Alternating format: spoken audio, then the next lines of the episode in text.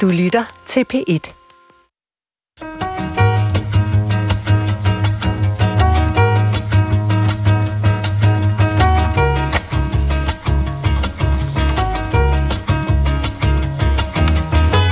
Vi kan sagtens skåle på demokratiet, vi kan skåle på grundloven, vi kan skåle på det brede parlamentariske samarbejde.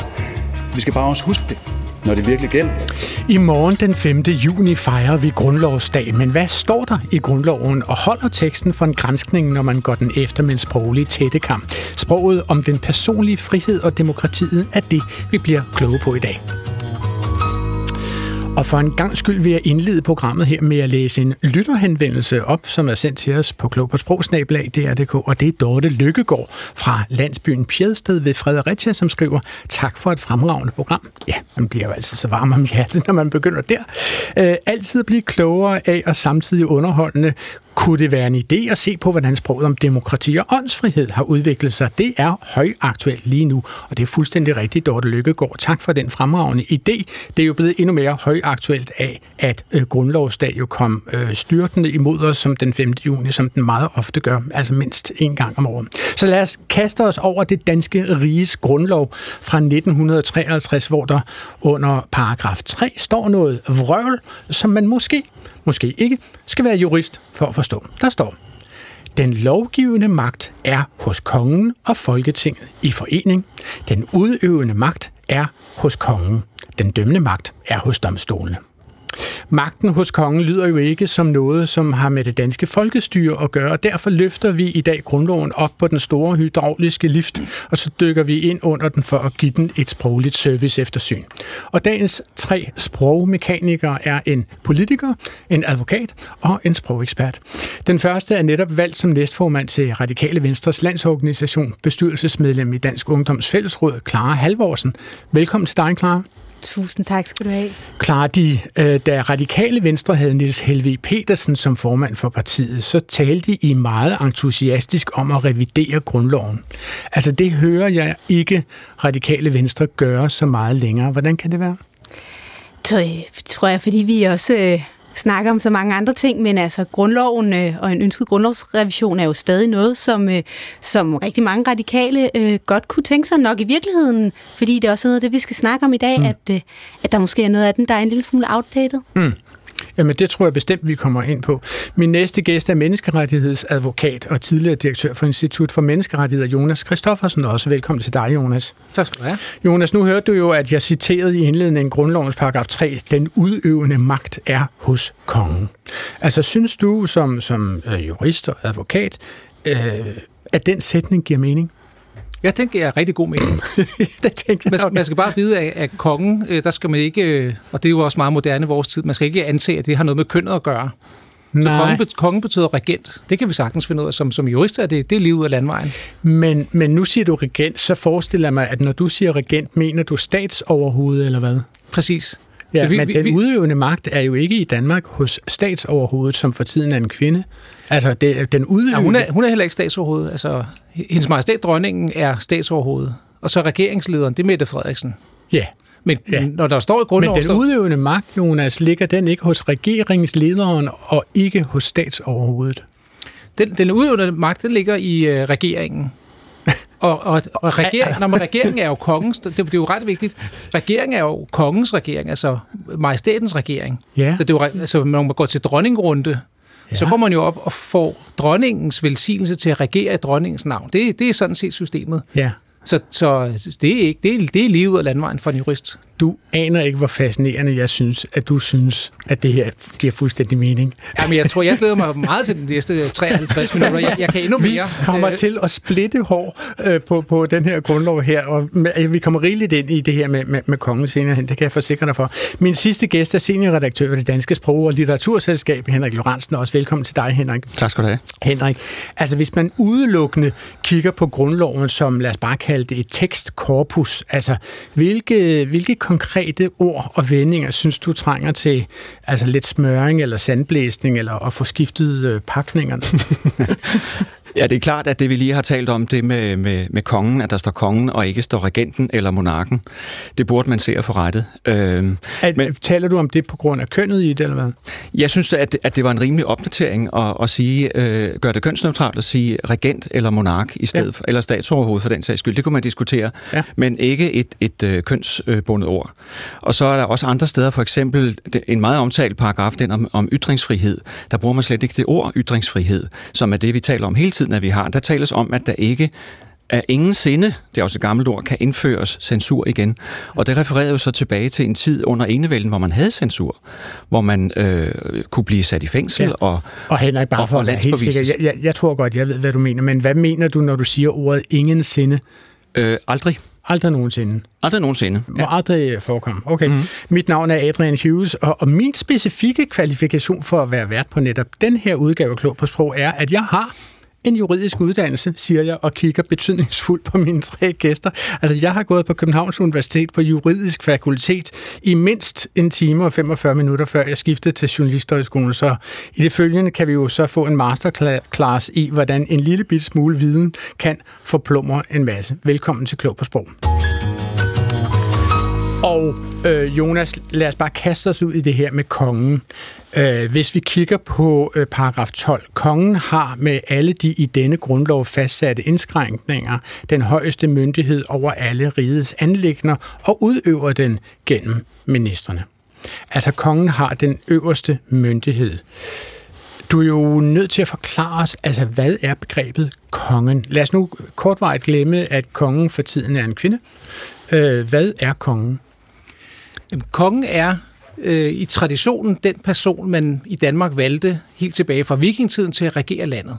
Så vi har haft et system, at man, at man valgte kongen, og så lavede man i 1600, 1660, øh, tror jeg det var, en kongelov. Det var meget moderne, dengang man ligesom regulerede kongens forhold. Og så lavede man grundloven, og det blev ved med at være centreret historisk omkring den person, der var kongen. Og så lavede man regler om, at kongemagten øh, gik i arv. Så det har været vores, øh, vores tradition. Og derfor skriver man også ind i grundloven, at det hele øh, starter og slutter med kongen. Så derfor er kongen er en meget, meget central, øh, så vidt jeg ved, i nogle af 40 gange i grundloven nævnt person. Ja. Men ja. vi glemmer hende øh, i hverdagen. Så kommer der noget nytårstaler og en covid-19-taler og sådan noget, men, men kongen spiller ikke nogen rolle i, i hverdagen, bortset fra, at alt vores statsstyre er koblet op omkring, i virkeligheden omkring kongen. Ja. Så det er en abstraktion, kan man sige. Det er et abstrakt begreb, øh, det, det statsoverhoved, man har i landet, som hvis, hvis magt så er, er reguleret i, i grundloven, ikke? Så, så den uddelegeres til en folkevalgt Ja, og, øh, og Henrik, det, det, det, det du gør nu, det, du stiller et spørgsmål, ikke også? Det var et spørgsmål, du Nej, stillede. det var mest en kommentar, tror jeg. Ja. Men, men, men jeg hører det spørgsmål. Passer det, at kongen sådan set er en, en abstraktion over magten i Danmark?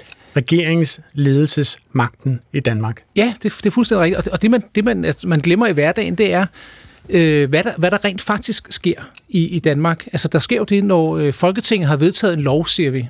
Det har Folketinget ikke. Folketinget har vedtaget et lovforslag.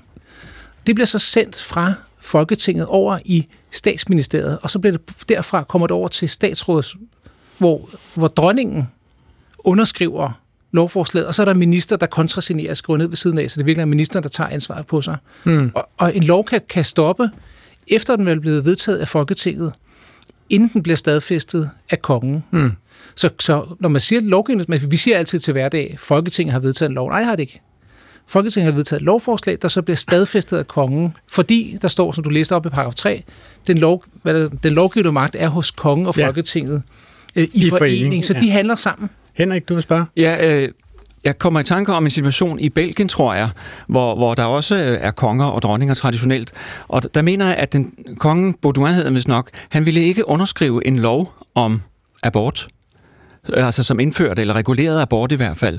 Så som I der husker, det, no, nogle af jer kan måske huske det, det er en hel del år siden, han abdicerede for en dag, og så ja. vedtog de loven og så blev han konge igen. Hold op. Så, altså, så, de, tror... så der viste det sig, at, at det var en lille smule mere end en abstraktion. Der, der, var, der var nødt til at ske noget. Og det er jo også et meget godt eksempel på, hvad man så gør, når der går, der går ged i tingene. Ja. Så laver man bare, opfinder man en undtagelse, nemlig min konge kan da bare abdicere, hvis han er så stedig. Altså, ja. der står ikke, kongen ret til at være lige så stedig, han vil. øh, og så kan han abdicere. Men Klar, Halvorsen, hvad, hvad tænker du om det her? Altså, giver det mening, når, når Jonas står og, og udlægger teksten? Ja, det giver jo, øh, det giver jo mening, for det er jo sådan, demokratiet fungerer i, i praksis. Dronningen underskriver lovene, dronningen har en dronningerunde, øh, så på den måde er det jo dronningens regering lige nu. Men, men det er jo klart, det kræver lidt øh, forklaring, ikke? At hvis man bare øh, fik grundloven stukket i, øh, i hånden uden forklaring, så vil mange tænke, hov, mm. øh, er det egentlig sådan, det, det foregår, ikke? Jamen altså for eksempel, hvis vi tager sådan noget som paragraf 14, kongen udnævner og afskediger statsministeren og de øvrige ministre. Han bestemmer deres antal og forretningernes fordeling imellem dem. Altså, og, og der vil jeg jo sige, øh, og, og, og nu kan I høre, hvorfor jeg forlod jurastudierne, fordi jeg kunne simpelthen ikke folde min hjerne omkring det her begreb. Altså, nemlig virkeligheden. Undskyld, jeg siger det. Virkeligheden kommer lidt ind her. Ikke? Jeg ved jo simpelthen øh, faktuelt, at, at regeringens konstitution bliver bestemt af den til enhver tid siddende regeringsleder. I øjeblikket er det en kvinde. Hun har gået rundt med en eller anden lille sort Kina-bog øh, øh, med nogle emner, og, og så laver hun en liste af ministre, og, og hvis ellers øh, de alle sammen bliver øh, sikkerhedsgodkendt på den rigtige måde, så bliver det sådan, hun vil have det. Øh, så i virkeligheden, altså faktuelt siger grundloven her noget andet end det, der foregår.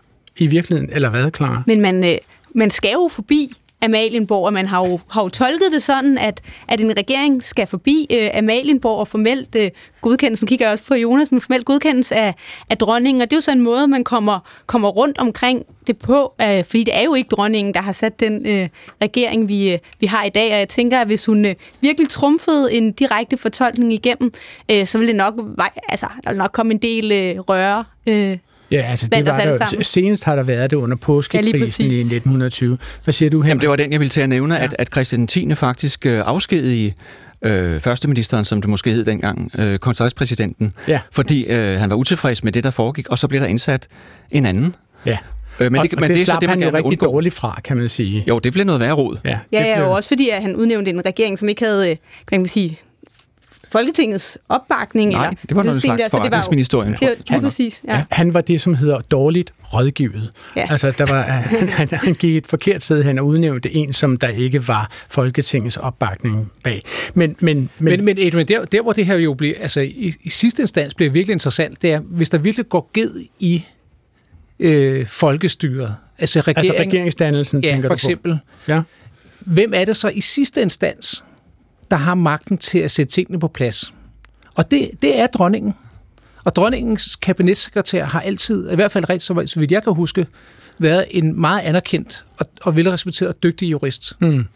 I Thailand, der har der været kongens autoritet, men altid militæret. I Tyrkiet, der ved vi jo også godt, hvordan det, der er det ved at rykke sig nu.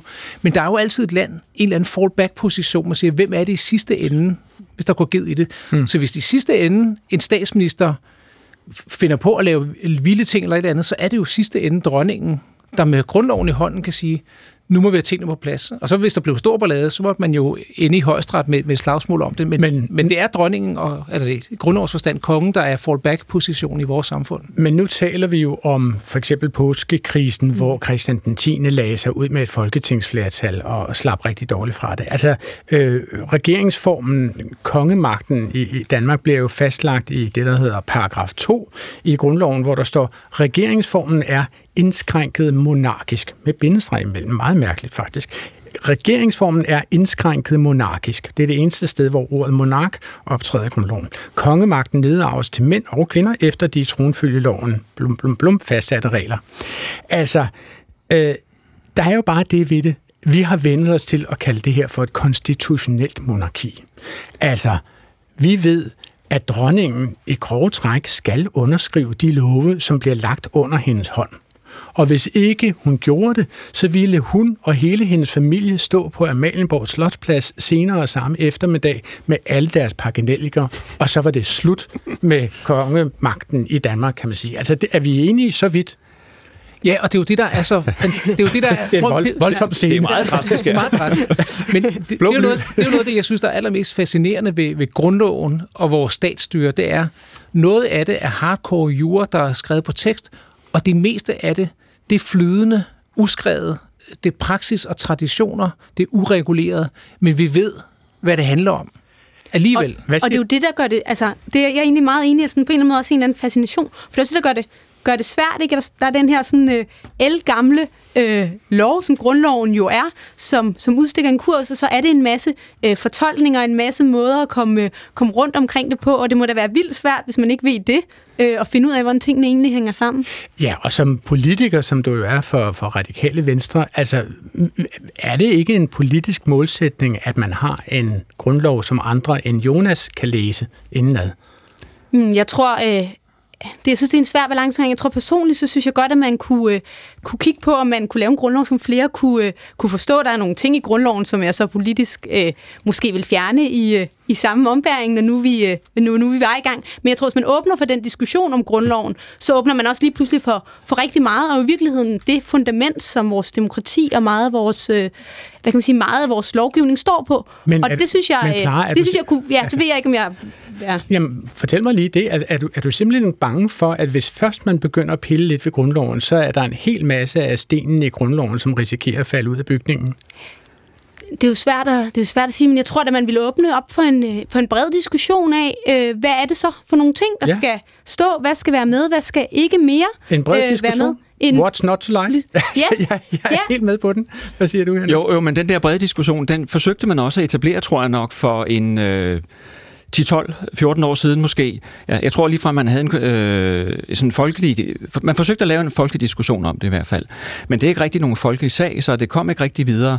Men, men altså, som sprogmenneske kunne jeg jo godt tænke mig, at man, at man gav det en sproglig revision og førte det up to date, førte det sure i hvert fald. Men jeg er helt med på det klare siger, og jeg tror, det er rigtigt, at hvis man først lukker den her op, så, så vil man kunne blive ved med at, at sige, så er der alle mulige grupper og interesser, der skal tilgodeses, og så bliver det rigtig svært. Men Jonas, du sagde lige før, at du faktisk synes, at der var, øh, jeg kan ikke huske, om du brugte ordet poesi, øh, i at, at grundloven ikke er mur og nalfast. Altså, at øh, den har et lidt blødt sprog, og den, den beskriver tingene i let omskrevne vendinger, som kræver, at sådan nogen som du øh, skal fortolke, hvad der egentlig menes om det. Altså, for, for det første skal jeg lige høre, er det sådan med lov, at fortolkningen af loven har lige så stor gyldighed, som det, der rent faktisk står i loven?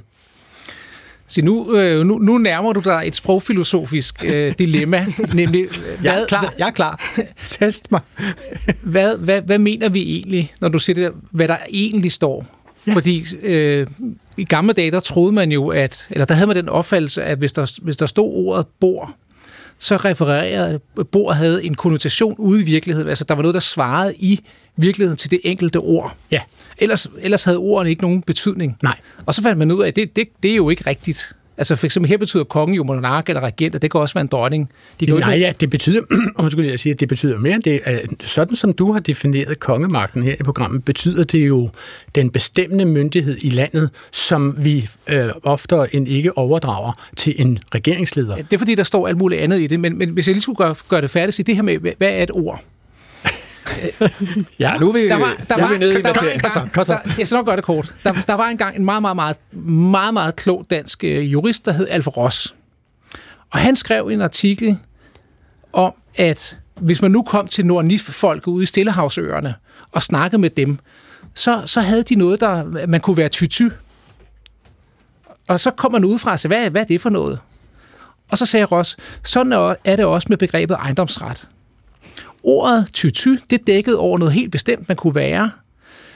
Altså, det handlede om nogle, nogle normer, man kan udstille, eller hvor, hvor det udstødte, hvad det nu var, man blev ty-ty. Ejendomsret, hvad betyder det egentlig? Så sagde han, jo, det betyder, at der er nogle betingelser, der skal være opfyldt, for at man har ejendomsret. Jeg kan få noget, jeg kan købe noget, jeg kan stjæle noget, uden at nogen opdager det. Jeg, jeg, nu er det mit. Og så kan jeg gøre noget med det. Jeg kan sælge det, jeg, jeg, kan, jeg kan pansætte det, jeg kan smide det væk, jeg kan give det af. Nogle, nogle retsvirkninger. Og det er det, der er med ordene er. I virkeligheden er ordene jo en, en let måde at kommunikere noget svært på. Altså, hvordan bliver du konge, og hvad kan du så? Det er det, der ligger i ordet konge.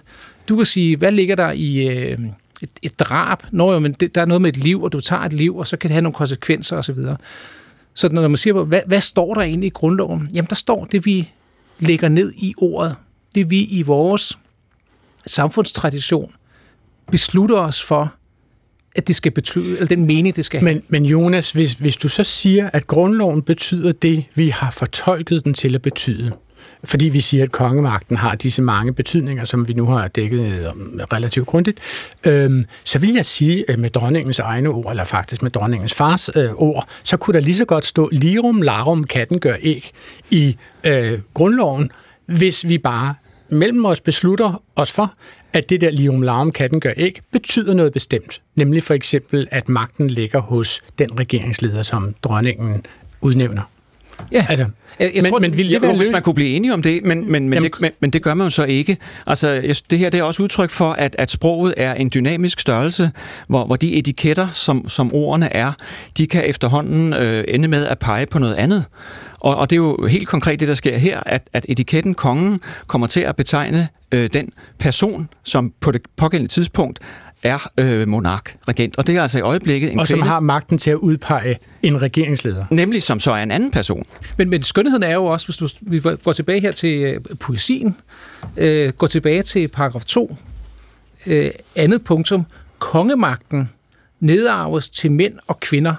Så det var ikke, fordi man ikke var klar over, at en kvinde kunne, blive, kunne få kongemagt. Men det var først for nylig, tror jeg nok, at, at, at kvinder blev indføjet her. Nej, Måske. nej, nej, nej, nej, nej, nej, det var med tronfølgerloven. Det var i himlens der står her, der står. Henrik Lorentzen, det må du aldrig sige. Uh, grundloven bliver jo skiftet en gang hver 60. 20. år osv. Det her er, er, er, er formuleringen Det er ikke fra, tronfølgeloven, nej, okay. Nej, For nej den- for fordi den. Anders Fogh Rasmussen ændrede jo tronfølgeloven senere, øh, men det var ikke en del af grundloven. Men i den, nu siger jeg så den oprindelige, altså det er jo den version, vi har fra 1953, i hvert hvor, hvor den senest er blevet revideret Ja, okay. om loven. Fair Ikke? Der står der, at kongemagten nedarves til mænd og kvinder. Efter de tronfølgeloven er sådan og sådan, ja. 1953 vedtagende regler, og så, og så ændrede man så tronfølgeloven. Det kan Med man ændringer, ja. ja. med, med folkeafstemning og sådan noget. Og derfor kunne man sådan set ændre noget, som kunne have været et grundlovsspørgsmål. Ja, så det da man, vidste, et da, man, da man skrev da man skrev den her bestemmelse, og den blev vedtaget ved folkeafstemning, efter folkeafstemning og to folketingsvalg, alt det der, i 1953, der vidste man godt, at en kvinde kunne få kongemagten. Ja. Der er ikke noget hokus pokus. Det kan vi da godt finde ud af. Hvad- Hvor svært kan det være? Ja. Ja, og man lagde jo i virkeligheden øh, hele beslutningskompetencen over i en, i en lov, man så kunne ændre. Altså det er meget Ja. smart, ikke? fordi en grundlov er så svært at, øh, Ja. at ændre. Så henviser man til en lov, som man så ville kunne, øh, kunne ændre, som kunne give kvinder, øh, kvinder lov at regere landet. Men, men at klare Halvorsen, så, så lad, lad, lad mig lige spørge dig, altså som næstformand i Radikale Venstres landsorganisation, generer det dig så, at der i grundloven står konge eller kongen hele 47 gange, og at ordet dronning slet ikke optræder? Uh, jeg ved ikke, om det er sådan, som næstformand for radikale venstre er, er noget, der irriterer mig, men som, kvinde. men som kvinde, som person, så, så kan man sige, så, øh, så er det da ikke så, så ligestillet en, øh, en, øh, en grundlov, øh, som man, øh, man godt kunne ønske sig. Øhm, men, men altså, det er jo et fortolkningsspørgsmål. Altså, nu har man jo tolket den, sådan, når man lavede en tronfølgerlov, som gjorde, at kvinder kunne regere. Jeg synes, det havde været meget, meget problematisk, hvis man havde haft en grundlov, som havde gjort, at, øh, at kvinder ikke kunne få lov at blive øh, dronninger, ikke kunne få lov at regere landet, fordi det stod i en, i en elgammel lov. Men der, det kønnede pronomen han står der 43 gange, og ordet det kønnede pronomen hun står der slet ikke klar. Bare for at sige det. Men, men du tænker, Schramm der ryber, det, det må vi kigge på ved lejlighed, men kun hvis lejlighed byder sig. Altså, jeg synes, jeg synes da ikke, det er en sådan super øh, repræsentativ mm. øh, grundlov sprogligt, øh, men den bærer jo også præg af, at den er skrevet i en tid, øh, hvor at det var mænd, der bestemte. Det var mænd, der den første grundlov, der stemte. Det var mænd, der regerede, og derfor så lavede man jo så også en grundlov, som handlede om, øh, om de mænd. Øh, og det er tiden jo heldigvis øh, løbet fra. Øh, og, øh, og sproget er så ikke fuldt, øh, fuldt med. Øh, og hvis man tog den store grundlovsdiskussion, hvis man tog den store grundlovsændring, så kunne det da også godt være, at man skulle kigge på, om, øh, om man skulle skrive han, hun, eller hvad man skulle. Øh, men det, er jo så, det ville så være en del af en større grundlovsdiskussion. Men Henrik Lorentzen, vil- kunne man, kunne man løse, hvis vi nu forestillede os, at man så let som ingenting, eller bare med et folketingsflertal og et par fingerknips, kunne ændre grundloven, kunne man løse grundlovens kønnede problemer på elegante måder? Det er ikke helt let jo, fordi vi ved jo godt øh, nu, at han og hun er ikke tilstrækkeligt til at beskrive den øh, opfattelse af køn, der, der er øh, i dag. Så det kunne man måske have gjort tidligere, men så skal man vælge betegnelser og ord som pågældende, vedkommende osv. Det er jo ikke noget, der letter teksten, kan man sige. Mm. Det, er jo sådan lidt jurasprog, ikke? Øh, som som nogen måske er glad for, måske dig, Jonas, er glad for, at, at juraen er, er sådan lidt gammeldags i sin, i sin sprogtone, og, og måske bliver mere præcis. Men, men det kønnede kommer vi ikke så let om ved. Øh, medmindre vi accepterer han, han eller hun som, som tilstrækkeligt. Men man kunne måske skrive, altså i stedet for monarken, øh, kunne man skrive, øh, eller undskyld, i stedet for kongen, kunne man skrive enten monarken eller regenten. Ja, ja, altså øh. det, det, det vil være til at have med at gøre, og man kunne så undgå konger og dronning. Øh, så, så det vil man være ude over, men der er andre steder, hvor, hvor, hvor køn er på spil. Majestæt er også et udmærket ord. Ja, ja, det kunne det også være. Okay, lad os køre med det. Du lytter til Klog på Sprog, stedet på P1, hvor vi ser på verden gennem, hvad sproget kan fortælle os. Og i dag handler det om demokrati, frihed og grundlovens sprog. Og med mig har jeg radikal politiker Clara Halvorsen, menneskerettighedsadvokat Jonas Christoffersen og Henrik Lorentzen, seniorredaktør ved det Danske Sprog- og Litteraturselskab. Og vi har et lytterspørgsmål, Henrik, som, øh, som arbejder sig ind i øh, dagens emne. Det er Per Bæk Larsen fra Frederikshavn, som associerer til emnet ved at undre sig over, at medierne samtidig videregiver beretninger beretninger om det, han kalder krænkende episoder med kvindelige værnepligtige. Fordi så vidt øh, Per Bæk Larsen ved, så omtaler grundloven kun værnepligt for mænd, og øh, vi har jo selvfølgelig slået det efter. Det har Per Bæk Larsen selvfølgelig helt øh, ret i. Paragraf 81. En hver våbenfør mand er forpligtet til med sin person at bidrage til fædrelandets forsvar efter de nærmere bestemmelser, som loven foreskriver. Altså lad, lad lige øh, stoppe op der. Ordet våbenfører, Henrik Lorentzen. Hvad, hvad betyder det? Det betyder, at man er i stand til at bære våben, bruge dem rigtigt, og, og dermed forsvare sig selv og, og sit land. Og, og det er jo så et eksempel på det, vi har talt om før, at, at sprogtonen er gammeldags. Øh, det er et ord, man ikke bruger øh, så meget mere, øh, simpelthen. Og, Clara øh, Halvorsen, hvornår har du sidst brugt ordet våben før? ja, det, er ikke lige, det er ikke lige noget, jeg bruger hver dag. Nej, det, er ikke, det er ikke først for, og der, og der står altså også, at det er mænd, og det er jo, og det er jo så pointen, at på det tidspunkt forestillede man sig kun, at det var mænd, der skulle øh, ud og forsvare landet. Men så er der så sket det, at kvinder kan indgå aftale om værnepligt lignende vilkår. Og det er jo så det der humlen her, at man laver en ordning, hvor vilkårene ligner mændenes. Ja, fordi det har Per Bæk Larsen også nogle kommentarer til. Han fandt jo frem til, at disse såkaldte i anfølgelsestegn kvindelige værnepligtige er noget, som forsvaret har opfundet. Og han citerer fra forsvarets hjemmeside, Grib chancen for en unik mulighed. Der er ikke værnepligt for kvinder, men som kvinde har du ret til at gennemføre værnepligtstjenesten på lige fod med mænd og få alle de oplevelser, venskaber og erfaringer, som værnepligten fører med sig. Værnepligten udvikler dig personligt, og du får en masse nye kammerater, og det kan være et plus at have på CV'et senere hen. Som kvinde kan du frivilligt vælge at blive ansat på værnepligtslignende vilkår. Du er dog ikke bundet af pligten. Og så spørger Per Bæk Larsen helt enkelt, altså hvad i alverden er meningen med det her? Altså det, slår jo indled, det slås indledningsvis fast, at der ikke er værnepligt for kvinder, mens der i sidste sætning står, dog er du ikke bundet af pligten. Altså hvordan kan man ikke være bundet af en pligt? Så han spørger simpelthen, om det her er Ulla Pyg, Henrik Lorentzen. Ja, det er selvfølgelig lidt noget vrøvl, for, fordi øh, en, en pligt, den skal man jo opfylde. Men øh, der er tale om, at det ligner værnepligt. Så kvinderne bliver ansat på lignende vilkår, og så har de, øh, udnytter de det, man også kalder for værneret, altså som er modstykket til værnepligt, kan man sige. Man har...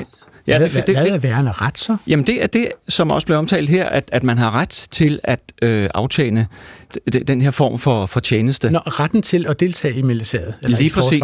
Ja, nemlig. Og i øvrigt, øh, i Norge har man faktisk indført almen værnepligt for både mænd og kvinder, øh, og det gjorde de i 2014. Så det kunne man jo overveje, øh, nu vi snakker om, om ligestilling, at, at øh, det, om det var det, man skulle indføre. Men altså, øh, den pligt gælder jo altså ikke længere, end at hvis, man, hvis kvinderne så vil løsnes fra deres kontrakt, så kan de det. Okay, godt. Så lad os gå tilbage til grundloven, som vi jo er her for at fejre og hylde, og også kilde en lille bit smule øh, under støddæmperne, eller hvad vi gør med den. Altså, vi, vi fejrer jo især i morgen, at, at grundloven sikrer os nogle såkaldte ukrænkelige rettigheder. Altså, grundloven bruger ordet om fire ting. De bruger det, den bruger det om Folketinget, ingen messer med Folketinget. Den bruger det om boligen og om ejendomsretten og om den personlige frihed. Altså, Henrik, selve ordet frihed, frihed, hvilken valør har ordet frihed i vores dage? Oh, det, er jo, det, er jo, det er jo svært at svare på, men øh, hvis jeg skal svare for mig selv i første omgang, så synes jeg, at det har en vældig positiv valør. Hmm. Øh, men er der, er der overhovedet nogen, som bruger det negativt, kan man sige? Ikke? Altså er, Nej, er frihed blevet sådan et ord, som, som ja, nærmest altså, mistet sin betydning, fordi det er det bedste, der er sket siden opfindelsen af smøret? Jamen, da, vi har jo også begrebet frihed under ansvar, og det er jo netop det her, at, at, at vi kan sagtens gøre ting, øh, som vi har fået lov til, fordi vi har friheder, men vi skal hele tiden tænke på, øh, hvilket hvilke konsekvenser det har for andre mennesker. For eksempel ytringsfrihed under ansvar. Og så er der også det her øh, almindelige, den faste vending, tasser friheder. Mm. Og, og så bliver det noget negativt, ikke? Mm. Klar Halvorsen, når, når, når jeg går ud fra, at du også skal fejre øh, grundloven i morgen. Altså, hvad er det, du fejrer? Er det frihed, eller hvad tænker du mestendels, du fejrer, når du fejrer grundloven? Jamen, jeg føler faktisk mest del af, at jeg fejrer øh, demokratiet.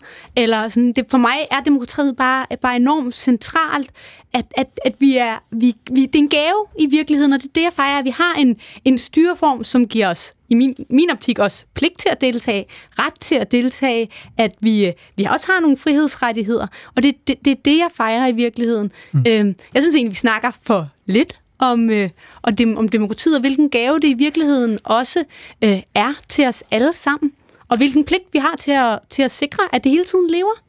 Altså nu kan man sige, at det der ord frihed, altså det, det ligger til synlandet ret frit øh, for hvem som helst at bruge ordet frihed. Jeg så i går, at Ungarns, uh, øh, Ungarns premierminister Viktor Orbán, han betragtes jo af de fleste som ret udemokratisk mål på hans fordel, øh, på, mål på hans forhold til pressefrihed og domstolens uafhængighed og valglov og en hel masse andet. Han har udtalt efter sin seneste valgsejr, udtalte han, vi har erstattet det forliste liberale demokrati med et kristen demokrati for det 21. århundrede, som garanterer folks frihed og sikkerhed. Altså, tror vi, at, at frihed betyder det samme for Viktor Orbán, som øh, det betyder for os andre? Hvad tror du om det her, Jonas? Det tror jeg, vi kan være ret overbevist om, at, at det ikke gør. Men jeg synes, det er, det er jo super interessant det der med, at han, han, ikke engang han vil sige, at han ikke har demokrati og frihed. Mm. Det, det bliver du simpelthen nødt til. Du bliver nødt til at holde fast i, at du har demokrati, i hvert fald i den vestlige verden, at du have demokrati og, og frihed. Og derfor ser man jo også, at når, nogle gange, når politikere skal indskrænke vores frihed, så argumenterer de ud fra, at de faktisk giver os mere frihed. Altså det der med at sige, nu indskrænker vi din frihed for at opnå et andet gode, mm. det er simpelthen blevet svært. Så derfor Jonas bliver man nødt til... det virker som om, at du har kigget i mine noter og ved, hvad jeg vil lægge op til nu. nemlig Nick Hækkerup, som argumenterer for, at større overvågning giver større frihed. I kan prøve at høre ham. Han kom til en forspørgselsdebat i Folketinget og forklarede sig over for Alternativet, som var ked af, at der kom alt for meget overvågning i det danske samfund. Trygheden i samfundet. Altså, det, er jo, det, er jo, det er jo logisk, at det ville ødelægge trygheden i samfundet, hvis vi sagde, vi kriminaliserer ikke forhold. Folk kan bare gøre det. Og hvis man ødelægger trygheden i samfundet, så ødelægger vi friheden i samfundet. Uden tryghed, ingen frihed. Det er sandheden. Det er derfor, vi kriminaliserer. Det er jo i virkeligheden det, som vi gerne vil. Og hvis man siger, at det er rigtigt, så følger det logisk heraf, at med overvågning stiger friheden. Kan du følge den argumentation, Jonas Christoffersen? Hvis man nu skal prøve at tage det en lille smule alvorligt, så vil jeg sige nej. Og jeg vil opfordre alle lyttere, samtlige, og Nick Hækkerup, til at gå ind og høre Kirsten Birgits nytårstale sidste år. Ja. For det, hun sagde, det var meget, meget klogt. Nemlig, at med den argumentation, så er Nordkorea det frieste land i verden. Altså, Nick Hækkerup siger, tryghed, det kræver mangel på kriminalitet. Mangel på kriminalitet kræver straf. Straf kræver efterforskning, efterforskning kræver overvågning. Ergo kan vi kun få tryghed og frihed ved mere overvågning. Og så må Nordkorea være det frieste land i verden. Og jeg kan helt så sige, at jeg har været der. Det opleves meget, meget trygt. Jeg har aldrig været et sted i verden, hvor jeg var så sikker på, at der ikke ville blive krummet et hår på mit hoved fra borgerne i samfundet. Men det var sægo med ikke noget særligt frit sted at være. Men, men Nick Hækkerups pointe, eller hans argumentation, synes jeg jo viser, at det er simpelthen, han har simpelthen svært ved at sige til os, nu griber vi ind i jeres frihed ved at overvåge jer.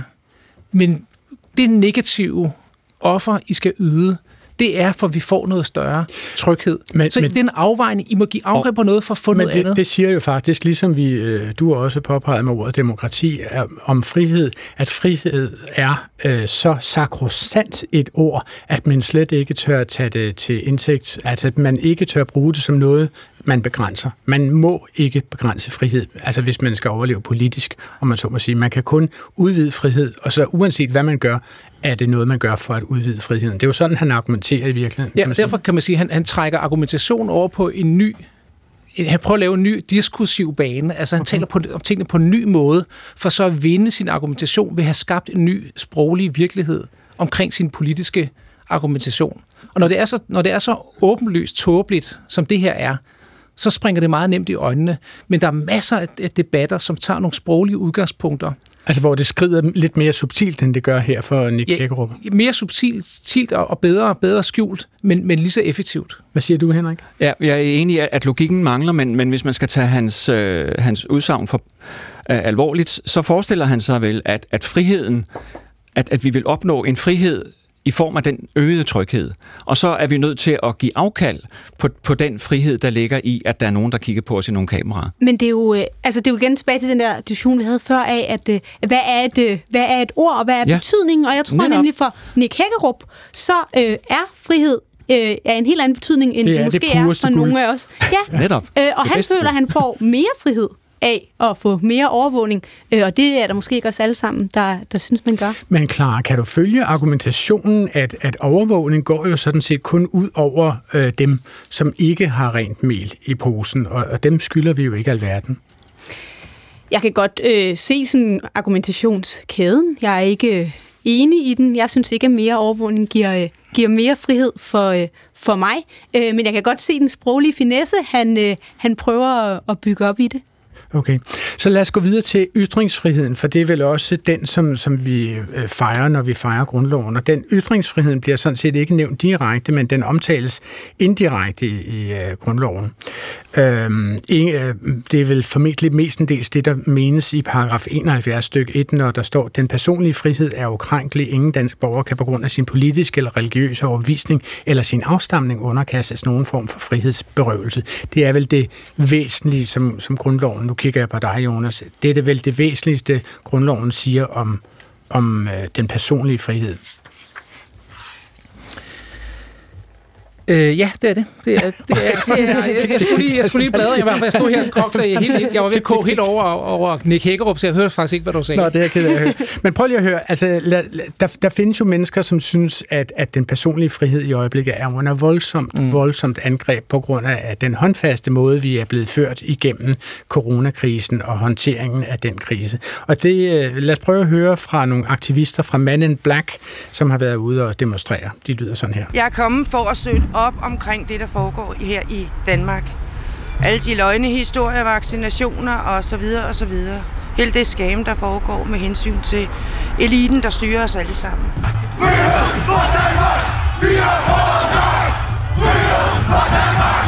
Vi er for Det er sgu det, der skal til. Nu har vi gjort så meget andet. Vi har i 40 år har vi prøvet regeringer alt muligt. Vi har prøvet at parlamentere os frem og følge det legalt. Så der kommer den altså igen frihed for Danmark. Vi har fået nok, og, og vi har prøvet med regeringer i 40 år, men det ender med, at eliten styrer sig alle sammen klare. Som, som politiker, så må du jo tage del i den elite, går jeg ud fra. Altså, hvad tænker du, når du hører, at der er en masse aktivister her, som altså åbenbart føler sig fuldstændig hægtet af de demokratiske processer?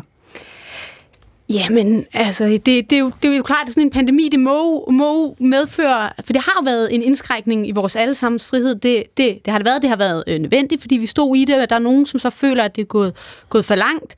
Øhm, og det synes jeg, som enhver øh, god politiker, så skal man, øh, man skal lytte til det. Øh, jeg er ikke øh, enig. Øh, men jeg synes også, det handler om sådan en lidt mere sådan grundlæggende diskussion om, om demokratiet, og hvordan vi øh, deltager, og hvordan man øh, føler, at man bliver, øh, bliver hørt. Fordi de føler jo tydeligvis ikke, at de er blevet øh, hørt. Øhm, og det er jo sådan en, en bredere demokratisk øh, diskussion af, at, hvordan at vi har et demokrati, hvor alle føler, at de, øh, de bliver lyttet til. Mm. Det er jo hmm. også det, der gør, at tror jeg, at, at demokratiet kan bestå, at mm. man... Øh, at man føler, at man deltager i det. Jonas, kan, kan du følge den øh, frustration, som aktivisterne i Men in Black her øh, giver udtryk for? Altså, kan du, kan du ligesom se, hvor den kommer fra? Nej, jeg tror helt ærligt, jeg tror faktisk ikke, jeg forstår det. Altså, okay. jeg, nej, jeg forst, altså noget, det, det, er jo, det er jo rigtig mange mennesker, det er jo ikke sådan en entydig bevægelse. Nej. Men, men det her for eksempel med, at, at, øh, at corona bare skulle være opfundet, og mm. det ikke findes, og, og altså, det forstår jeg simpelthen ikke, at man kan, at man kan have den verdensopfattelse. Øh, og derfor synes jeg jo også, at kan jeg jo godt forstå, at alle dem, som heller ikke forstår det, mm. har utroligt svært ved at tage det alvorligt. Men det her med at, at, at så komme over på, på deres side, og så få lyttet til, hvad, hvad er det så måske i, i virkeligheden, de siger, hvor kommer frustrationen fra? Hvor kommer oprøret fra? Hvorfor, hvorfor popper det op på den her måde? Og der, jeg vil skyde på, at det, det er nok ikke alene covid-19-restriktioner, øh, som i øvrigt ikke er et indgreb i vores frihed. Det giver os bare mere frihed, jo, fordi vi er mere trygge, vi når vi går i Nick. Netto, ja. så der er ingen restriktioner af det overhovedet. øh, det er kun godt. Henrik? Jo, øh, men, men hun siger måske nok netop det, som du er inde på, at nu har vi parlamenteret i 40 år.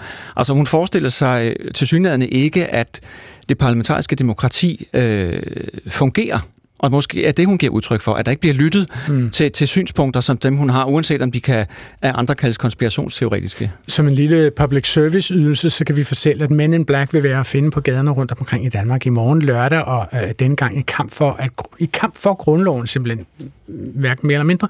I den forbindelse så skriver de på deres Facebook, Facebook-gruppe, vi skal markere, at vi lever i et folkestyre og ikke i et politikervælde. Altså, Henrik Lorentzen, hvad betyder det, når man bruger et ord som politikervælde? Ja, det er jo klart negativt lavet. Ikke? Altså, øh, enhver form for vælde er, er der ikke nogen, der bryder sig om. Øh, så, og, og når det er politikerne, så det er jo også stærkt i familie med politikerlede, ikke? Altså, at man ikke bryder sig om de politikere, der findes, øh, fordi man synes ikke, at de gør det, de skal. Men okay. man har jo selv valgt dem et eller andet sted. Okay. Så vil jeg skubbe jer hen til det, som hedder forsamlingsfrihed, som øh, jo også er højt besunget, og den fremgår af paragraf 79 i grundloven, Borgerne har ret til uden forudgående tilladelse at samle sig ubevæbnet. Offentlige forsamlinger har politiet ret til at overvære. Forsamlinger under åben himmel kan forbydes, når der af dem kan befrygtes fare for den offentlige fred. Og der synes jeg lige skal høre, hvad statsminister Mette Frederiksen sagde ved åbningsdebatten sidste år i Folketinget i august øh, 2020. Som det er i dag, kan politiet forbyde enkeltpersoner at komme i særlige områder. For eksempel et bandemedlem. Det er fint. Men hvad nu, hvis resten af gruppen stadigvæk er der? Derfor foreslår vi, at politiet fremover skal kunne indføre et egentligt opholdsforbud for alle personer på bestemte steder i en afgrænset periode. Det kan være på parkeringspladsen i boligområdet, hvor der i dag er uro og kriminalitet. På S-togstationen, hvor grupper af unge drenge og mænd samles og skaber utryghed. Her siger vi, I må ikke være her, for ingen andre i vores land skal være bange for at gå på gaden, og I skal ikke få lov til at tage andre menneskers frihed. Og det var jo altså i den her sammenhæng, at Mette Frederiksen forklarede, at første overtrædelse skulle medføre bøde på 10.000 kroner. Hvis ikke de havde pengene, så ville der være kontant afregning, og politiet kunne tage deres dyre dynejakker, uger, mobiltelefoner med det samme, og anden gang ville der vanke 30 års, øh, nej, det løgn, 30 dages fængsel. Altså, øh, Clara Halvorsen, der var jo nogen, som syntes, at det her var en meget markant indskrænkning i forsamlingsfriheden. Hvad tænker du om det? Jamen, det synes jeg personligt også, at det, det, det er øh, at forbyde folk at, at forsamle sig. Det er jo, sådan, det er jo en grundlovssikret øh, ret Rettighed, i virkeligheden, ja. øh, at, øh, at man har ret til at, til at mødes, øh, til at forsamle sig. Øh, og, og det er jo... Øh, ja, hvad kan man sige? Jeg synes men, bare, men, jeg, men klar, det jeg kan godt jo... se det der tryghedsargument. Ikke? Det er det samme som Jonas øh, og Nick jo, eller ikke, du er ikke enig med Nick, men øh, Nick Hækkerup siger, ja. ikke, at, øh, at tryghed giver frihed. Men det sjove ved den her paragraf, paragraf 79, som jeg citerede øh, først, det var, at borgerne havde ret til uden forudgående tilladelse at samle sig, men så kommer jo den næste sætning, forsamlinger under åben himmel kan forbydes, når der er dem, når der er politiet, kan befrygtes fare for den offentlige fred. Hvad, Jonas Kristoffersen, er det her ikke sådan lidt en gummiparagraf, altså elastik i meter, metermål? Har man ikke deponeret en hel masse beslutningskraft hos politiet, så politiet i grove træk kan skalte og valgte med, om folk må samles eller ej? Jeg vil sige, hellere sige det på den måde. I stedet for at skyde på politiet, så siger at vores folkevalgte øh, har gode muligheder og vidt rum til at regulere alt muligt herunder forsamlinger og, og ytringer. Så vi, vi lever i, fordi vi lever i et demokrati, hvor vi grundlæggende gerne vil have, at det er folkestyret, der bestemmer grænserne, så tillader vi også, når vi kigger på vores rettigheder, at de kan begrænses, når det politiske flertal øh, er enigt. Hmm. Øh, men, det betyder, det. men det betyder så, at forsamlingsfriheden der, den er faktisk ikke ukrænkelig. Altså nu er det jo heller ikke... Den er ikke ubegrænset i hvert fald. Nej. Den er ikke ubegrænset, og man kan se... Øh, altså nu, nu kender vi det jo mest her fra, fra alle de her covid-19-restriktioner, hvor der har været de her forsamlingsforbud. Ja. Øh, og der hæfter jeg mig også ved en anden ting, nu vi er, skal kloge os på sproget. Jeg lagde mærke på et tidspunkt, så dukkede der det her ord forsamlingsloft. Og så tænker jeg, det er da egentlig meget sjovt. Altså, ligesom man taler om, om hastighedsgrænser. Altså, man må ikke køre over noget. Det betyder selvfølgelig, at det er forbudt at køre for højt. Men, men var der ved at ske... Ja. ja. Undskyld, for hurtigt. Var der ved at ske noget ved, at nu vil vi ikke længere tale om forsamlingsforbud? Fordi det lyder negativt, det er et forbud, og så taler ja. vi lige om forsamlings... Og det er bare en justering, hvis man siger loft. Loft, så lyder det lidt pænere, ikke? Og det, jeg tror, det var en tilfældighed. Måske okay. tilfældigt, men det kan godt være en lidt mere øh, positiv måde at, at frame det på, som man siger. Ja, og, ja. og, og så, så, så prøvede jeg at finde ud af, øh, hvor kom det fra. Det kunne jeg ikke finde ud af, og sprognævner, de synes, jeg var en idiot at overhovedet spørge til det, fordi det der forsamlingsforbud var jo gammelt over. Og, ja. Men jeg synes, det var interessant at sige, hvorfor kommer de der Men nu, tal, nu nævner Henrik det her med, hvordan man framer sådan en meddelelse der. Jeg kan fortælle jer, at Københavns Kommune har for nylig øh, indført nogle nye regler i nattelivet. Der er jo allerede eksisterende regler, som forbyder at købe alkohol efter kl. 22. Altså klubberne er lukket, barerne og restauranterne de lukker kl. 23. Men nu har Københavns Kommune besluttet, at udvalgte steder i København skal være stille efter kl. 22 fredag og lørdag, altså i weekenden, og så skal det være stille øh, kl. 20 de øvrige dage. Og altså, nu, jeg tænker egentlig, at det måske især har betydning for yngre mennesker, så lad mig spørge dig, Clara Halvorsen. Altså, op, opfatter du øh, de her restriktioner som en markant begrænsning af de friheder, som grundloven har stillet dig i udsigt, hvis du bevæger dig i de københavnske parker? Nu, kom, altså, nu fanger du mig jo lige lidt øh, på usikker grund, fordi jeg er jo faktisk ikke sådan jeg, jeg måske, Går ud, eller jo, jeg sidder i hvert fald ikke på Islands Brygge så sent og hører øh, høj musik, men, men vil jo helst ikke lyde alt for kedelig. øhm, men, øh, men det er jo svært, ikke? det er jo en balancegang mellem, at, at alle skal kunne, kunne være i byen, at der skal være plads. Det synes jeg, jeg synes, der skal være plads til fest i København. Mm. Men det er klart, der skal også øh, der skal også være plads til at, øh, til at bo, men jeg synes måske, det er nogle, i hvert fald nogle stramme regler for, for mange mm. Jonas, kunne man forestille sig, at, at, at du som menneskerettighedsadvokat kunne procedere en sag i, øh, ved en eller anden retsinstans, hvor du argumenterede for, at, at de her er grundlovsstridige øh, begrænsninger af især unges frihedsrettigheder? Altså med en rigtig klient og økonomisk støtte i nakken, der kunne jeg, der kunne jeg altså, procedere hvad som helst. Til penge. Altså hvis bare du får dine 3.725 kroner i timen, så er det okay. Så skal jeg nok, så, så lover jeg, så gør jeg det, og jeg vil gøre det godt. Jeg, jeg, vil jeg har herved øh, efterspurgt en sponsor. Men hvis du bad om et, et, et, sådan et, et her, skud for hoften responsum, og det er grundlovsstridigt, så er det, er det selvfølgelig ikke det. Og vi har jo regler alle mulige steder om, om øh, at tage hensyn til naboer og støj, og hvornår man må køre affaldsbiler om morgenen, og det er jo helt normalt. Øh, så, så det synes jeg ikke er noget problem. Nu kender jeg ikke de præ- præcise regler i København, hvad, hvad han har gjort der, om det, om det er hårdt og så videre. Men, men, så jeg synes, problemet er, hvis man, hvis man tilbage til, til, til, hvorfor er det, man gør det. Altså taler man om, det er godt at vise hensyn til andre, eller som statsministeren, som hun bruger den der Nick Hækkerup-formulering, I skal ikke tage andre menneskers frihed. Mm. Altså hvis, vi, hvis I er utryghedsskabende, mm. altså nogle andre er bange for jer, så tager I andre menneskers frihed. Det er, det er jo virkelig hårdt ord at bruge. Hmm, og tage og, andre menneskers Og man står på en parkeringsplads ja. og et eller andet, og, og så var eksemplet, det var også nogen med, med, med dynjakker og kæder og så videre, og hvad det handlede om for nogle typer, der var, som andre er bange for, og de tager andre menneskers frihed. Ja. Det synes jeg er noget helt andet, end at sige, vis lige hensyn og skru ned for ghettobarseren efter kl. 22, hmm. fordi selvfølgelig skal der være hensyn til andre. Henrik Lorentzen, altså nu stiller jeg et spørgsmål til dig, som er blevet skrevet til mig her i manuskriptet, og jeg stiller det primært, fordi Klog på Sprogs yngste medarbejder, Svala Sigfusar Dottir, har fødselsdag i dag, så tillykke oh. til hende. Og spørgsmålet kommer her. Kan du forstå, at de unge føler sig krænket over dette? altså over de her begrænsninger? ja. Ja, jeg synes, det jeg står synes, der altså lige her i mit står der, ja, men øh, så den kan vi jo tage bagefter. Men, men, altså, men, jeg, jeg, jeg må sige, jeg stussede lidt over ordet krænket, det må ja, jeg sige. Men, men det gør jeg også, fordi jeg synes, man bruger ordet krænke øh, gevaldigt meget i disse år, og der er mange, der bliver krænket. Nu vil jeg ikke tage ordet krænkelsesparat i min mund, men nu kommer jeg til det alligevel.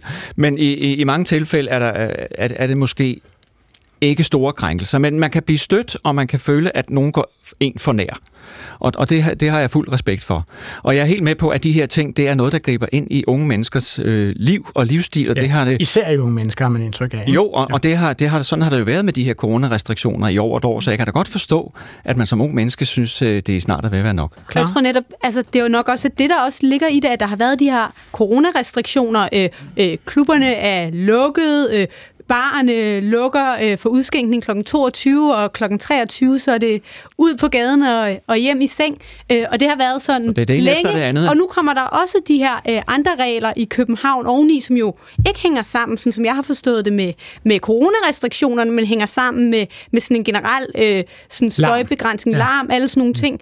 Øh, og det kan jeg godt forstå, at mange unge måske føler, at det er, det er meget oven øh, oveni. De er selvom... udsat for et krydspres. De må ikke være inde i diskotekerne og klubberne og barne, og nu må, nu må de, de heller ikke være, være udenfor. Bryggen, nej. Ja, okay. Lad os lige som noget af det sidste i dag øh, tale om grundlovsbrud. Fordi øh, ordet grundlovsbrud har jo simpelthen optrådt øh, oftere i pressen, end ordet løftebrud optrådte, dengang Helle thorning Schmidt var statsminister. Altså, øh, Mette Frederiksen har været statsminister her i landet fra den 27. 6. 2019, og siden da har der været 883 artikler i dansk presse, hvor man kunne finde navnet Mette Frederiksen omtalt sammen med ordet grundlovsbrud. Altså blandt andet blev hun jo beskyldt for grundlovsbrud da hun tog på vaccinekurrejse til Israel, fordi hun ikke havde rådført sig med det udenrigspolitiske nævn i Folketinget, før hun indgik en samarbejdsaftale med Israel. Og under Mink-sagen, det er måske endnu mere markant, blev det kaldt et grundlovsbrud, at hun og hendes fødevareminister Mogens, Mogens Jensen øh, ikke havde sikret sig, at der var gyldig lovhjemmel til at slå alle disse mink ned. Altså, øh, nu kigger jeg bare på dig, Jonas. Er, er det rimeligt at kalde disse her øh, uregelmæssigheder, eller hvad vi skal kalde dem, for grundlovsbrud? Altså, hvis vi måske lige starte med det, lige tager det op fra og ned, og, og så sige, jamen, grunden til, at grundlovsbrud er så godt et ord, eller sådan et tungt ord, der, der giver vægt, fordi grundloven kan vi godt lide, og bryde noget, vi godt kan lide, det kan vi ikke lide. Så det er entydigt negativt at blive beskyldt for at være grundlovsbryder. Det er simpelthen en retorisk lammer. Det er en, en lammer. Den er, den er værre en løftebrud. Ja. Ikke? Og den er ja. nemlig værre en, en løftebrud, og, og det er derfor, tror jeg, at man i de her sammenhæng, som kommer til at handle, som handler om noget grundlæggende, der taler man så nu om grundlovsbrud. Og det er jo rigtigt, at hvis en, hvis en øh, regering gør noget, som er i strid med grundlovens regler om at orientere sig og få mandat fra udenrigspolitisk nævn, eller hvad det nu var, der var situationen, jamen så har man jo sådan set brudt grundloven. Det har man jo sådan set også hver gang, man gør noget som regering, der ikke har lovhjemmel. Der står jo, at man skal handle i overensstemmelse med lov, så alt hvad der er uden lovhjemmel, er sådan set i strid med grundloven. Vi plejer bare ikke at kalde det grundlovsbrud. Og så opstod ordet grundlovsbrud i forbindelse med Mink-sagen, fordi det var så, var så voldsomt. Hmm det, der skete. Så brugte man ord, og jeg har også selv brugt det, tror jeg nok en enkelt gang. Jeg tror, jeg har fortrudt det lidt bagefter. Du var blevet lidt unuanceret. Har, har du gjort det offentligt, Jonas? Altså, ja, har du brugt der, ordet grundlov? Ja, det har jeg faktisk, ja. Okay. Øh, og grund til, at jeg fortrød det lidt, var, at jeg synes, det blev lidt, lidt unuanceret, fordi det var i forbindelse med mink-historien. Fordi det, der jo skete, var, at det ville være grundlovsbrud, hvis i det omfang, det er ekspropriation over for den enkelte minkavler. Og det er en lille smule omtvistet præcis, hvor meget der skal til, før det er øh, ekspropriativt. Det tror jeg nok, at jeg synes, at det er. Men jeg er ikke stensikker på præcis, hvor grænsen går. Der skulle jeg nok have været lidt mere forsigtig, da jeg sagde det, sagt, vi skal lige passe på, hvor grænsen går, og bla bla bla, taget nogle forbehold. Men ekspropriation er nævnt i grundloven, tror jeg. Måske ikke med Jamen, det ord. Altså, mm. Ja, og der står også i de, så lavede man et lovforslag om, om, om alt det her øh, minkindgreb, der man så fik hjemmel til det. Øh, og der skrev man også i lovforarbejderne, at det kunne godt være efter en konkret vurdering, at de ville være øh, ekspropriation. Og det vidste jeg jo godt på det tidspunkt, da jeg sagde det. Så jeg tror, at jeg kom til at sige det lidt for hurtigt, uden det nødvendige øh, altså, forbehold som jurist. For, for Men pointen var, på, på pointen var sådan set bare at sige, når man laver noget, som er ekspropriativt uden lovhjemmel, så er det strid med grundloven, og så kalder vi det grundlovsbrud. Men det, så, så får det sådan lidt og så går der inflation måske i brugen af... Så kan der gå inflation i, i brugen af, af ord, så, det, så, det så er det værd hver anden dag, og det er selvfølgelig dybt kritisabelt, hvis det er rigtigt. Ja, altså, ja. altså Mette Frederiksen og hendes regering er jo også blevet beskyldt for grundlovsbrud i forbindelse med at hjemtage forløbigt øh, tre danske mødre og deres børn fra Syrienslejrene. Og, og, og grunden til, at det skulle være et grundlovsbrud, var, at det er de gået på valg på ikke at gøre, og så tænker man, at det skulle være et grundlovsbrud og gøre noget andet, end det man sagde før valget. Og så er det jo det der løftebrud, ikke? ja, så man, du tænker, at det rigtige ord ville have været løftebrud og ikke grundlovsbrud? Det ville det måske nok der, uden at... Men, ja. men omvendt så er det jo sådan, at øh, grundloven siger, at et hvert folketingsmedlem er udelukkende bundet af sin egen overbevisning. Øh, det var ikke helt fuldstændig korrekt øh, citeret, men det er sådan cirka det, den mener og siger nogenlunde. Så det betyder, at man kan jo sådan set beslutte sig for hvad som helst i Folketinget, uanset hvad man har sagt kigger jeg på dig. Ja, man kan, jo, øh, man kan jo skifte parti. Det har vi jo set øh, op til det ser flere. Man ofte. det ser man øh, op til flere, der har, øh, har gjort. Og det er jo også nogen, som er, er valgt på nogle helt andre også politiske øh, mærkesager, end det parti, de skifter mm. over til. Og det, det kan man jo. Øh, og det aller sidste, jeg lige vil høre, det er, hvem af jer vil forklare mig, hvorfor er det nu lige, at man ikke kan lave grundloven om med det vums? Altså, hvorfor er den så svær at lave om? Tør du give et kort svar på det, Jonas?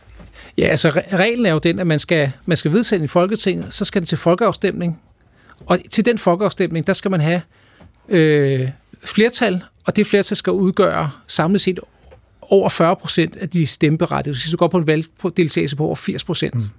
Og, så det er rigtig svært, så, så du kan næsten ikke have nogen modstand. Og Jonas, det var næsten rigtigt. Du glemte bare, at den skal faktisk skal vedtages af to på hinanden følgende Folketing. Og derefter, når den så er så godkendt, så skal den til Folketinget. Og ja. det er, rigt, det er rigtig, rigtig svært. Og man prøvede i 1939 noget, som alle var enige om ville glide igennem, og så dumpede det, og siden mm. der har man ikke prøvet, medmindre man havde en... Man vil meget nødig. Det er ikke så nemt at lave grundloven om, og derfor bliver den det næppe heller sådan lige akkurat med det samme, medmindre man finder en fantastisk god løsning i morgen. Jeg vil sige tak til mine tre gæster, næstformand i Radikale Venstre, Venstres Landsorganisations styrelsesmedlem i Dansk Ungdoms Fællesråd, Clara Halvorsen, og til menneskerettighedsadvokat advokat og tidligere direktør for Institut for Menneskerettighed, Jonas Christoffersen, og til Henrik Lorentzen, seniorredaktør ved det Danske Sprog- og Litteraturselskab.